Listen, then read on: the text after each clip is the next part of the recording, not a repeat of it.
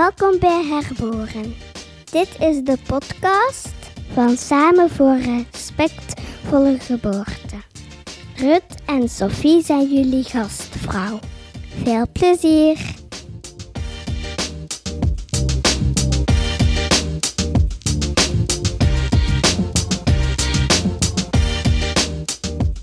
Hallo allemaal, welkom bij een nieuwe aflevering van Herboren.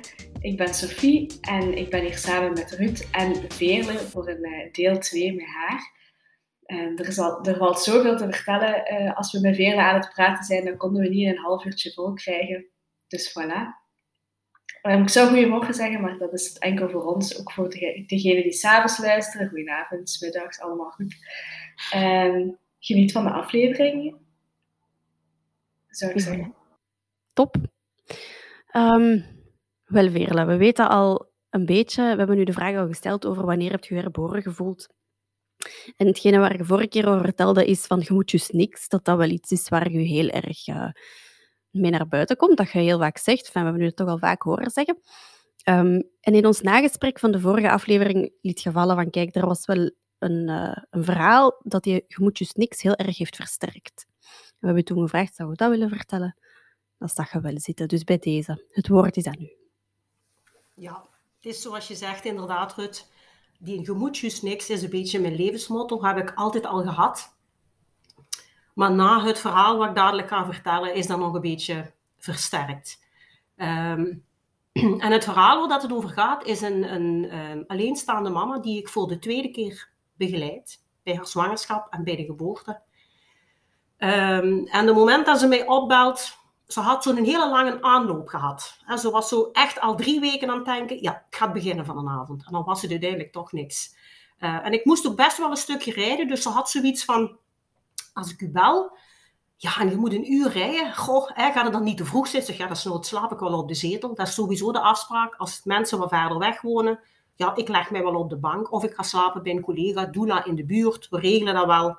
In ieder geval, op een bepaald moment krijg ik dus van die mama berichtje van, ja, mijn vliezen zijn open, um, kom eraf. Want het was een tweede kindje natuurlijk. De eerste keer was eigenlijk heel vlot gegaan. Dus dan gaat er ook vanuit van, wellicht is dat, uh, gaat dat opnieuw zo vlotjes. Plus, als een mama alleen is, dan ga ik daar ook altijd nog net iets vroeger naartoe. Dus ik kom daar aan en ze ging in het ziekenhuis bevallen. Ondertussen een ander ziekenhuis dan de vorige keer, omdat ze ook verhuisd was. Dus we gaan richting ziekenhuis en we komen zo binnen net na de, na de wissel van de avond naar de nachtshift. Ehm, en ik zie me nu in gedachten ook helemaal binnenkomen in dat ziekenhuis. Uh, in die verloskamer, die eigenlijk best wel gezellig was. Alle, uh, voor, een, voor verloskamer was dat redelijk gezellig, laat ik het zo noemen. Um, en we komen binnen en op dat moment moet je weten, dus de vliezen waren open. Mijn mama had nog niet echt golven of nog niet echt weeën.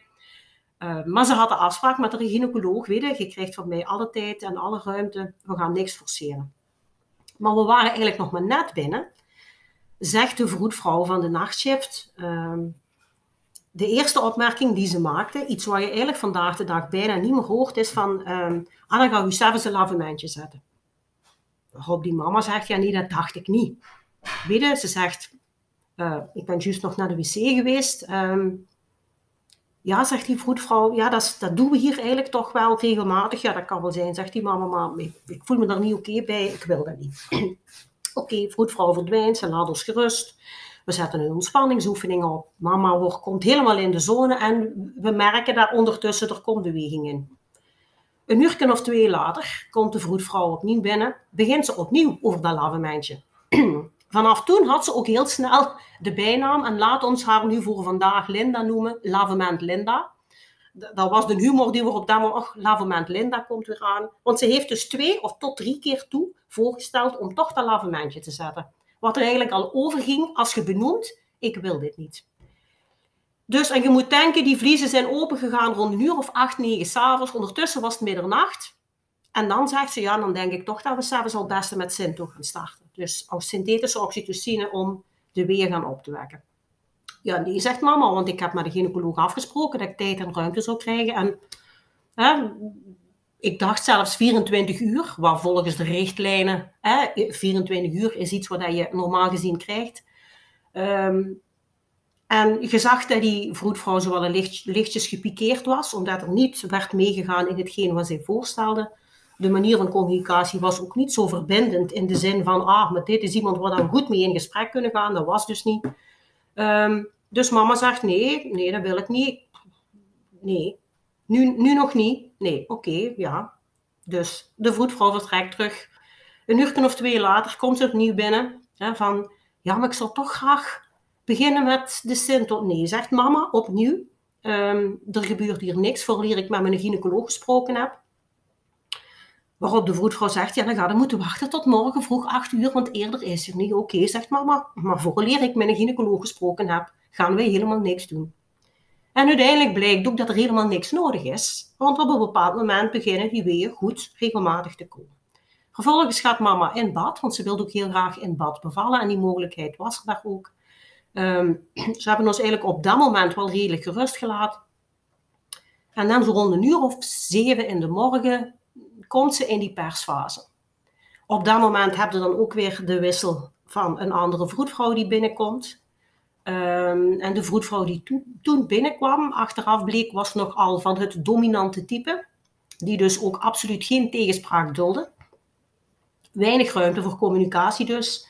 Um, en de gynaecoloog was er nog niet, dus er kwam een assistent.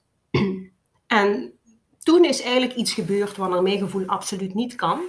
Dus uh, ik ben van mening, als je in bad bevalt, dan is de badgrens, badgrens of de badrand de grens van tot hier en niet verder.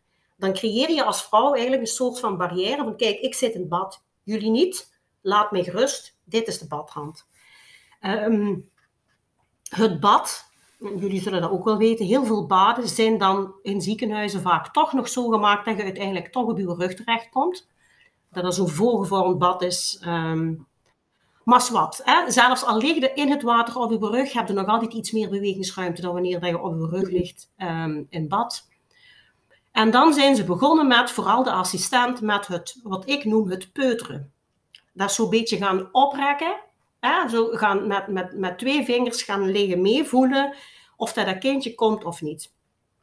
En mama ligt in bad, heeft geen epidurale, weet heel goed wat ze wil en voelt ook alles. Dus de eerste keer dat die assistent zonder aan te kondigen even wil meevoelen, zegt mama, nee, ik wil dit niet. En ze heeft tot drie keer toegeroepen, nee, ik wil dit niet. En op dat moment, ik was, dat is de eerste keer in mijn leven dat ik fysiek voor iemand ben opgekomen. En mits ik ook haar geboortepartner was, want er was niemand anders bij, heb ik dus de handen van de assistent weggeduwd en gezegd: Mama zegt nee. En die kijkt me zo'n beetje verbouwereerd aan, de vroedvrouw trouwens ook, want blijkbaar hadden ze dat denk ik nog niet meegemaakt, dat iemand dan zegt van nee, want mama zegt nu nee. En twee minuten later probeert hij het opnieuw. Wil hij opnieuw peuteren. En toen heeft mama niet eens de kans gehad om iets te zeggen, want ik hing letterlijk bijna met mijn hoofd tussen haar benen. En ik heb dus heel kwaad gezegd, ze heeft juist nee gezegd. Ik word nog een beetje kwaad als ik aan Ik word nog altijd kwaad als ik daaraan denk. Aan, aan dat moment. Um, maar toen was het wel duidelijk. Want je moet weten, een half uur later, van het moment dat de persfase begonnen is tot de geboorte van het kind, daar zat geen half uur tussen. Dus het was niet dat hier iets nodig was in de zin van we gaan u moeten helpen, want je kunt het niet alleen. Maar dat is wel het beeld wat vaak gegeven wordt van kom, we gaan u letterlijk verlossen van uw kind. Ehm, terwijl een moeder dat heel mooi alleen kan, maar je moet ze tijd en ruimte geven. En deze mama zat er niet om te roepen om, om hulp of weet ik veel wat. Uh, meteen daarna, maar je moet dan denken, weet je, je zit zo in de cocon, vooral die mama. Ehm, Meteen daarna komt haar gynaecoloog binnen. Toen lag mama daar met, met haar baby. Um, op dat moment is er niks van gezegd. En ik had heel graag met die assistent nog even in gesprek gegaan waarom ik zijn handen had weggeduwd.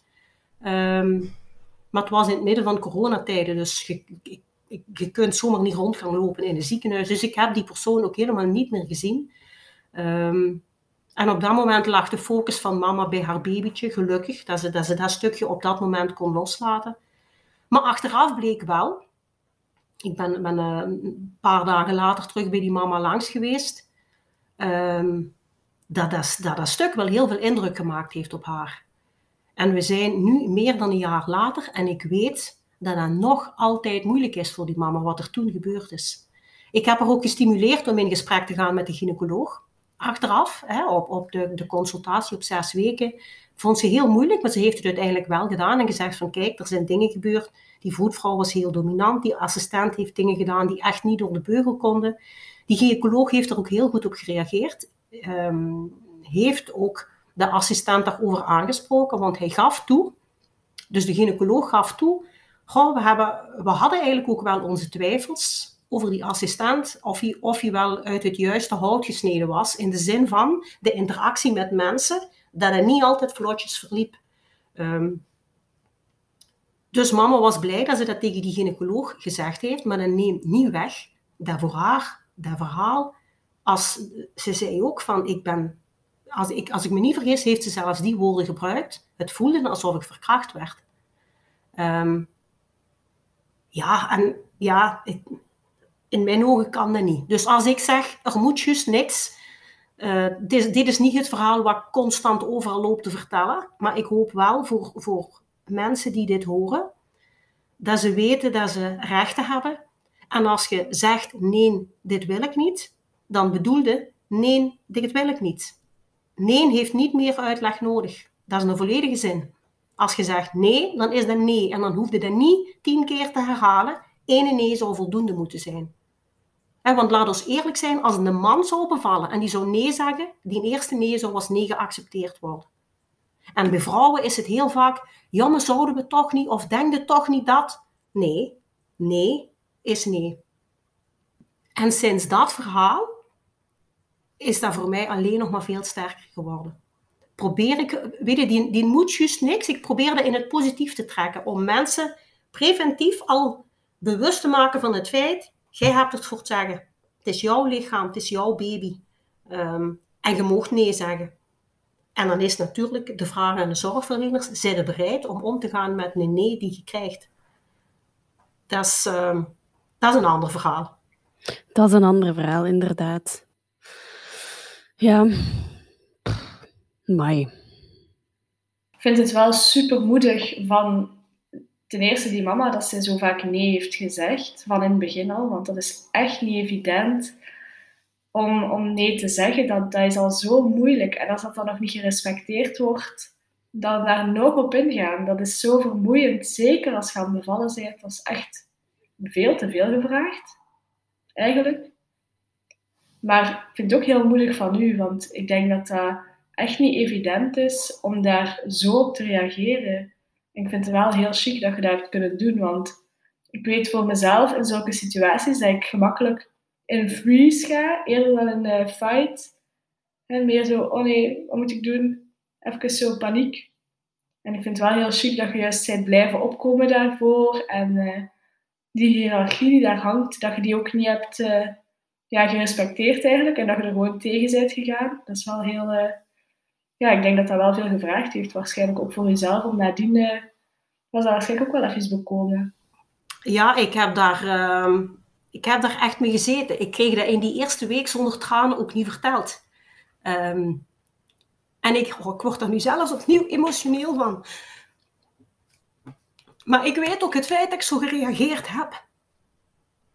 Dat dat voor die mama heel belangrijk was. Ehm, ook, een, ik weet als ze dit gaat horen, dat ze opnieuw gesterkt wordt in haar gevoel en van, zie je wel, het, het was niet oké. want als zelfs Veerle daar emotioneel onder wordt, dan was het niet oké. En ik ben toen echt geschrokken van mijn eigen, want Sofie, ik had nooit gedacht dat ik op die manier zou reageren. Maar ik kon niet anders. Ik kon niet anders. Er was niemand anders die het voor, voor die mama op dat moment ehm, kon opnemen. Ik moest gewoon. Het was sterker dan mezelf. Um, ik weet zelfs niet of ik het de volgende keer um, opnieuw zou doen. ik vermoed van wel, want dit heeft, me, heeft nu voor mij ook weer duidelijk gemaakt van... Het is oké om te zeggen, dit, dit, is niet oké. Daar moet je niet zomaar gewoon de handen voor de ogen en zeggen, oh, ik doe maar alsof ik niks gezien heb. Nee, het is niet oké. Ja, absoluut niet oké. dat is echt obstetrisch geweld. Wat daar is geweest, hè, van in het begin eigenlijk. Dat ze al uh, ja, onder druk gezet wordt om keuzes te, allee, te maken of uh, interventies te accepteren die ze niet wilt. Want die uh, dat lavement, hoe onschuldig dat dat ook klinkt, dat ze dat herhaaldelijk nee moet tegen zeggen. Het is toch maar een lavement, maar dat klopt niet. Dat ze daar moet blijven tegen nee zeggen, dat, dat neemt veel energie en dat is nog maar het begin inderdaad. En het heeft de hele tijd ja, zich verder gezet eigenlijk. Hè? Dat, er, dat zij niet centrum was, dat uh, dingen opgedrongen worden. En dat zij dan zegt van het voelt als een verkrachting. Dat is ook maar logisch, want het is ook een vorm van seksueel misbruik. Hè? Het is niet omdat die gynaecoloog daar niet uh, seksueel opgewonden van wordt, dat dat geen seksueel misbruik is. Om je vingers in te brengen in iemands vagina die dat niet wilt. Dat is seksueel misbruik, ook in een ziekenhuiskamer. Hè? Ja. En dan vraag ik mij ook af, als je gaat kijken naar opleidingen, ik denk dat er genoeg wetenschap, wetenschappelijk onderzoek geweest is naar het feit dat er liggen oprekken of peuteren, of hoe dat je het ook wilt noemen, dat het niet bewezen is dat dat kind dan plots veel sneller gaat komen. Ik denk zelfs in deze situatie moest er niks gebeurd zijn dat dat kind nog sneller geboren was. Ehm, en, en er valt mij nu ook te binnen. Ik weet nog, mama had een heel mooi geboorteplan met echt geen onrealistische wensen op. Hè. Het ging dan over, over tijd en ruimte krijgen, uitkloppen van de navelstreng, dat soort dingen. En nog voor ze de kans had gehad om het af te geven, zegt dus Lavement Linda. Dat, was wel dat was voor ons belangrijk om er de humor in te houden, om het op dat moment zo te noemen. Die zegt, ja, gewoon, dan hebben ook mensen die zo'n geboorteplan binnen hebben. Dan denk ik, oh god, daar hadden weer ze een die weer moeilijk gaat doen. En we hadden nog helemaal niks afgegeven, hè. Ehm, waarop ik toen ook gezegd heb tegen haar, ik zeg van, goh, je ziet dat misschien als iemand die moeilijk doet. En ik zie dat als iemand die heeft duidelijk nagedacht over wat ze wil. Ik zeg, en hoe meer dat vrouwen kunnen duidelijk maken wat ze willen, hoe beter dat je de zorg daarop kan afstemmen. Daar was ze ook niet op voorbereid dat ik dat ging zeggen. Nee, nee. Dus ja, dat zijn, het zijn zo dikwijls van die kleine details. Weet je, ik kan u nog dingen vertellen waar er gebeuren heel vaak zo van die kleine dingetjes waar je van denkt, dit is niet oké, het is niet altijd zo dramatisch dan nu. Uh, bij dit verhaal. Maar maakt niet uit hoe groot of hoe klein het is als een vrouw zegt nee. Al gaat het maar over het prikken van een, van een, een, een, wachtpoortje, of hoe noemen jullie dat? Zo, zo, als een vrouw zegt, gewoon nee, ik wil dit niet. En er wordt haar opgedrongen om, doe toch maar. Er is mij zelfs ooit de vraag gesteld, eh, ik weet niet of ik dat in ons vorige sessie gezegd heb, de vraag gesteld door een vroedvrouw, goh Veerle, kun jij nu niet zorgen dat die mama ja zegt? Nee, dat is niet mijn taak. Nee, kan ik niet. En kan ik niet, wil ik niet vooral nee, ook. Nee, nee, wil ik niet. Nee, dat is niet aan mij. Nee, nee. Inderdaad. Zelfs al zou ik denken van, oh, misschien was het goed om nu ja te zeggen. Als die mama zegt nee, is het nee. Het is haar verhaal, haar geboorte, haar lijf, haar kindje. Wie zijn andere mensen er rondomheen om te zeggen van, dit is wat je nu moet gaan doen? Zo zit het niet in elkaar. Nee, absoluut niet. Ik moet ook wel denken met zeker uw voorbeeld van het geboorteplan. Dat is een die ik heel vaak heb gehoord, ook zelf als student. En dan misschien niet tegen de ouders zelf, maar toch vaak onderling dan in de keuken of in de wacht. Of uh, collega's onder elkaar. Oh ja, dat geboorteplan weer. En oh ja, je gaat dat zien, dat wordt zeker een keizersnede. Zo, zo dat type gesprek. Um, ik heb daar een beetje over zitten nadenken nog verder. En ik denk dat ik vind dat zo'n mooi voorbeeld van hoe het systeem um, ons werk niet ondersteunt. En met ons werk bedoel ik dan het werk dat wij als zorgverleners willen bieden aan een ouder. Um, we zitten allemaal met werk en tijdsdruk dat het geen naam heeft. We zijn eigenlijk allemaal permanent onderbemand. Um, allee, onze, onze afdelingen in het ziekenhuis. En als er dan iemand komt die inderdaad heeft nagedacht en andere dingen wil dan de standaard, dan voelt dat, dat super lastig. Het is niet dat die persoon zelf een lastige is of zo, totaal niet. Maar vanuit het perspectief van die zorgverleners is dat er gewoon een te veel aan. In die al veel te grote, veel te grote belasting die ze al hebben dagdagelijks. En toen ik dat op die manier kon zien, ja, ik denk dat ik eigenlijk een beetje eerder medelijden voelde dan dat ik nog boos kon zijn op die zorgverleners. Wat het niet oké maakte, dat is absoluut niet wat ik wil zeggen. Um, Integendeel, maar obstetrisch geweld, waar dat hier zeker sprake van was, is vaak zo groot en zoveel groter dan een individu. En dat maakt het ook zo wel heel helder, dat dat echt een systeemfout is. Veel breder dan ik, individu, heb er geen goesting in en ik ga me een keer stom gedragen. Um, en, en zeker zo'n geboorteplan, ik vind dat dat heel duidelijk wordt in zo'n kader. Als iemand heel duidelijk iets expliciet individueel vraagt, dat dat zeer zelden echt kan. Zeker als het dan toevallig druk is, dan dan heb je ja, dan helemaal jammer. Kan er niet bij. Ja, en weet je, er, het, het zijn ook niet alle geboorteplannen die ik al gezien heb, daar staan dus echt geen zotte dingen in. Hè? Nee, totaal Het is, niet. het is niet dat, dat, dat het onrealistisch is om in beweging te blijven, om niet constant aan de monitor te moeten, om je eigen eh, bevallingshouding te mogen kiezen, om te wachten met het doorknippen van die navelstreng, om ongestoord je kindje kennis te laten maken, om die baby zelf de borst te laten vinden. Dat zijn allemaal geen gekke dingen, hè?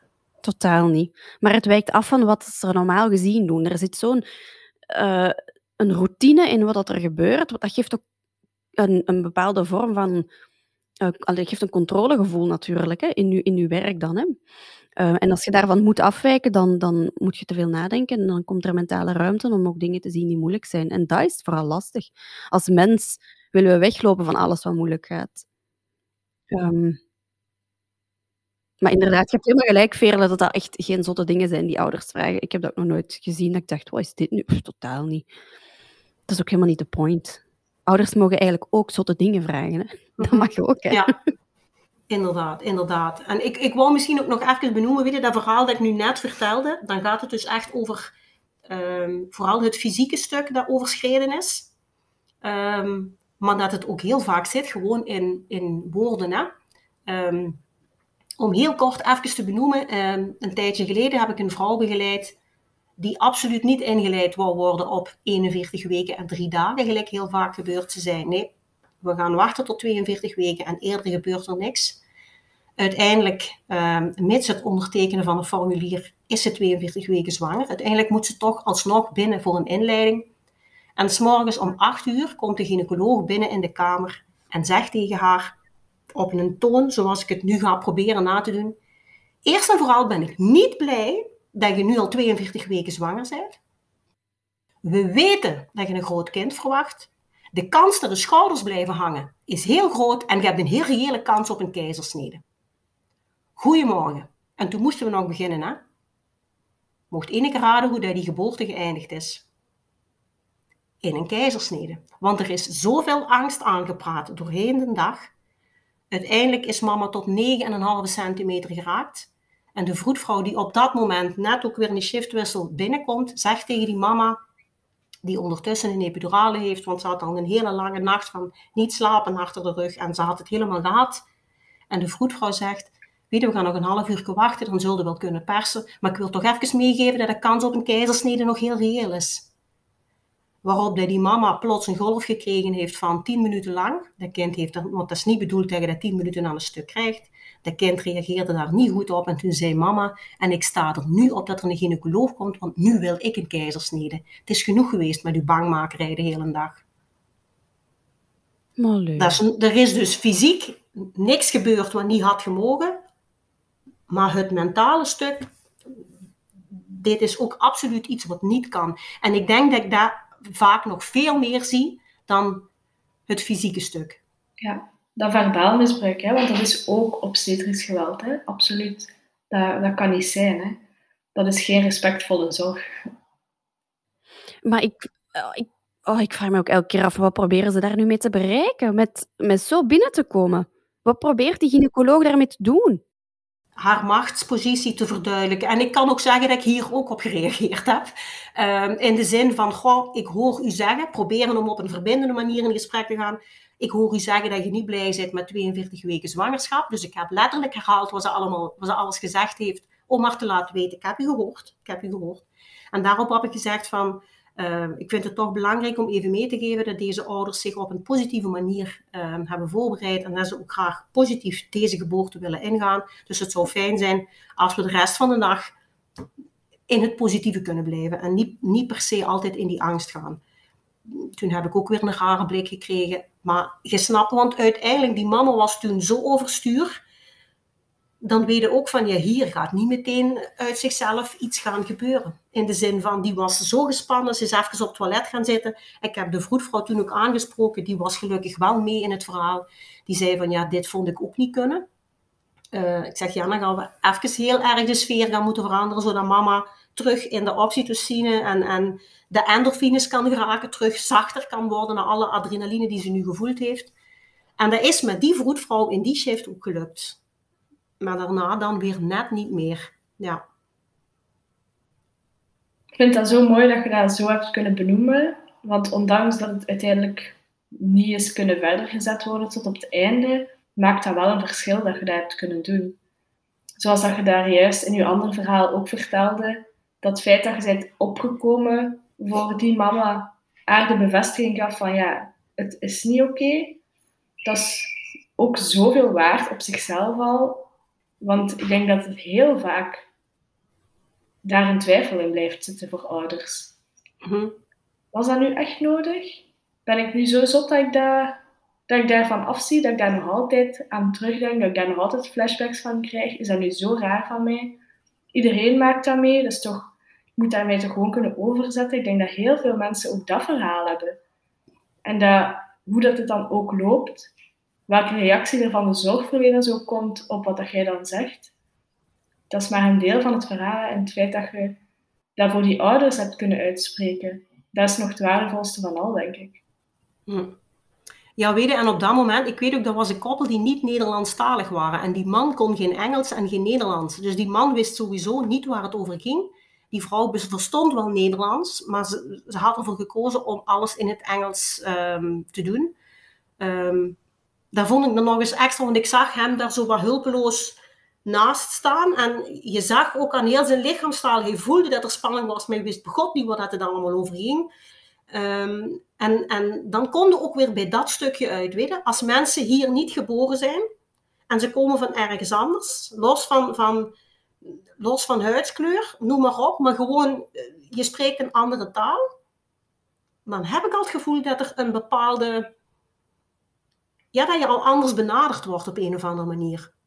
Ik weet het niet, maar dit is dus ook een verhaal van na het vorige verhaal, waardoor dat ik ja, daar gevoeliger voor ben geworden, denk ik dan. Ik weet het niet. Om, om nog meer te zeggen van, hey, opkomen voor jezelf. Ja, en in dit geval was het nodig om ook weer voor die ouders op te komen, omdat het voor hun moeilijker was om zich uh, te uiten, of omdat zelfs die gynaecoloog haar Engels, ze kon zich niet, niet um, op de juiste manier verstaanbaar maken. Nee. Ik probeer niet te denken aan het scenario dat je daar niet zou geweest zijn. Want, want je zegt het net van gelukkig was ik daar en dan heb ik een stuk uh, voor hun kunnen opnemen wat als op dat moment voor, de kop, allez, voor het koppel niet kon. En ik dacht ja, maar inderdaad, wat als je daar dan niet waard veerle? Wat dan? Ik wil daar niet te ver op ingaan in mijn hoofd, want dat is helemaal geen fraai einde, denk ik. En dan zou waarschijnlijk keizersnede veel eerder geweest zijn. Maar, uh, ja. Jongen. En wilde dan nu nog eens wat weten, want dat is nog zoiets. Hè? Dus we spreken over in coronatijden, waarbij het al fijn was dat ik mee naar binnen mocht. Maar dus het moment dat de keizersnede gepland staat, hè, of ze willen mama wegdoen, zegt de vroedvrouw uh, van, de, van, van, die, van die een avondshift of nachtshift, ik weet niet meer juist precies welk tijdstip het was. De moment dat ze mama willen buitenrijden, zegt ze, voilà, en nu kun je naar huis. Ik zeg, pardon? Ja, zegt ze, ja, je mocht nergens anders komen, hè. Ik zeg, ja, maar ik ga nergens naartoe, hè. Ja, maar je mocht gaan. Ik zeg, nee, nee, nee, nee. Ik ben hier al van vanmorgen zes uur. Je gaat niet mij nu naar huis sturen zonder dat ik weet of mama en de baby oké zijn. Um, en voor degenen die mij kennen, die weten dan, ik, ik ben snel geraakt en emotioneel. En zeker als je dan ook een heel stuk een stuk van uw nacht gemist hebt, omdat we al heel vroeg moesten daar zijn en twee uur hebben moeten wachten, omdat het zo druk was dat er niemand dan wou beginnen. Dus dan denk ik, had die vrouw wel langer laten slapen, want die was om drie uur al door het huis aan het lopen, omdat ze niet meer kon, slapen, omdat ze ingeleid ging worden. Dus op dat moment, ook ik was vermoeid, ben ik ook beginnen wenen. Dat is wie ik ben en ik steekte ook niet meer weg. En gelukkig kwam er toen een vroedvrouw binnen die heel empathisch was en die zei, kom maar met mij mee. Want die, want die ouders hadden een, een um, een kamer alleen, dus hè, op de kraamafdeling. Ik was al de hele dag bij hun geweest. Wat maakt dat dan uit of ik in die kamer op hun zit te wachten of niet? Het was niet dat ze mij in de zaal gingen zetten waar nog andere mama's lagen. Dus, maar was die tweede vroedvrouw niet binnengekomen, dan had ik naar huis kunnen gaan. En dat was voor mij ook iets wat, wat niet kon. Dat kan niet zijn dat je in hetgeen wat ik doe, ik ga pas naar huis als ik weet dat iedereen oké is. eerder niet. Maar zij wou mij al naar huis sturen, nog voordat de baby geboren was. Ja, dat kon dus voor mij ook niet.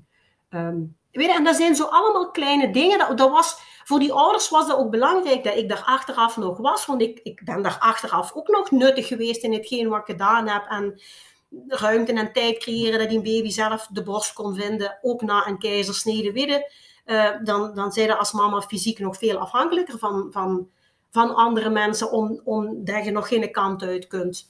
Ehm, ja, ook dat stukje. Weet je, dan, dan puur het, het, ja, dat, dat gevoel en het, het empathisch zijn met iemand. Ik snap dat, hè, dat dat in, in, in een wereld waar dat het druk is, waar er heel veel medische protocollen zijn, dat dat niet vanzelfsprekend is.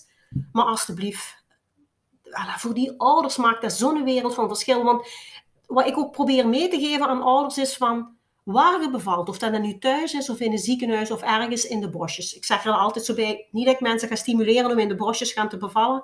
En met de locatie waar je bevalt, eigenlijk maakt dat niet uit. Of dat je nu ehm, met of zonder een epidurale bevalt. Dat maakt niet uit. Zelfs niet of je met een keizersnede bevalt. Dat gaat niet bepalen hoe je terugkijkt naar een geboorte. Maar de manier waarop de mensen met u zijn omgegaan, dat is hetgeen wat gaat bepalen hoe je terugkijkt naar die geboorte. Want ik heb eerder mensen begeleid die eer thuis wouden bevallen, uiteindelijk naar het ziekenhuis in moeten gaan, die een epidurale genomen hebben en dan op het eind van de rit een keizersnede. En als mensen dan achteraf zeggen van, goh, weet als ik het opnieuw moest doen, het mag van mij precies hetzelfde gaan, want er is naar mij geluisterd, ik ben gehoord geweest. Er was respect. Dat is hetgeen waar we voor gaan. Los van hoe, wanneer en wat welke toeters en bellen dat je gehad hebt. Maar hoe zijn ze met u als mens omgegaan? Dat is voor mij voor mij is dat heel belangrijk om, om mensen duidelijk te maken van kijk, dat is hetgene wat voor u bepalend gaat zijn. En dat blijkt ook dat dat hetgene is wat voor mensen het allerbelangrijkste is. Dat vind ik een, eh, een super mooie boodschap om deze aflevering ook mee af te sluiten. Dat dat mag blijven hangen voor iedereen. Merci Veerle om je verhaal te doen. Je, uh, ik denk dat het echt een goed gesprek was ook weer om mensen even ook ja, toch te tonen wat als het dan niet zo respectvol is. Want we praten altijd over respect.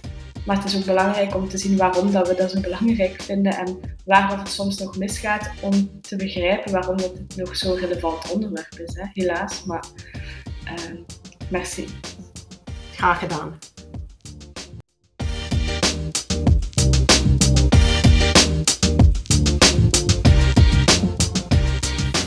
Bedankt om te luisteren.